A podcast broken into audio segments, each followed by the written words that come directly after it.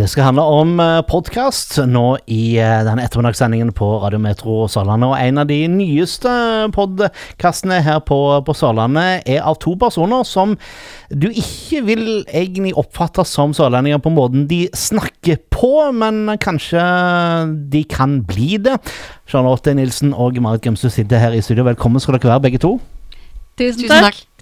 Podkasten heter Rett i hjertet. Hva, hva legger dere i det navnet der?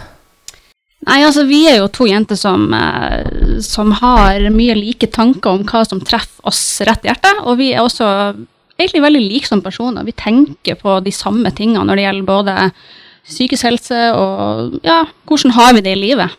Og eh, hvordan, hvordan, er det med oss mennesker, hvordan påvirker vi hverandre. Så, så det er liksom det, det, er så mye som treffer oss rett i hjertet, da. Og så mm. håper vi jo at vi kan treffe lytterne våre rett i hjertet med det vi, vi skal formidle i podkasten. Hva slags hull tror dere deres podkast tetter? Jeg tror uh, den handler, eller den tetter nok, en del hull mellom disse veldig alvorlige og seriøse podkastene om psykisk helse.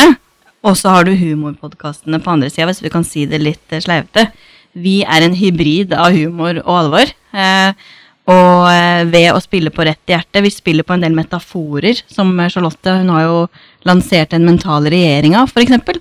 Så, så tenker vi at den kombinasjonen eh, gjør at psykisk helse og samfunnsrelaterte problemer som du kanskje ikke visste du tenkte på, blir mindre ufarlig. F.eks. får vi lov til å definere hvem vi er. Eh, hvordan er det egentlig å føle seg annerledes? Så ting som man kanskje er opptatt av, men ikke er helt bevisst på.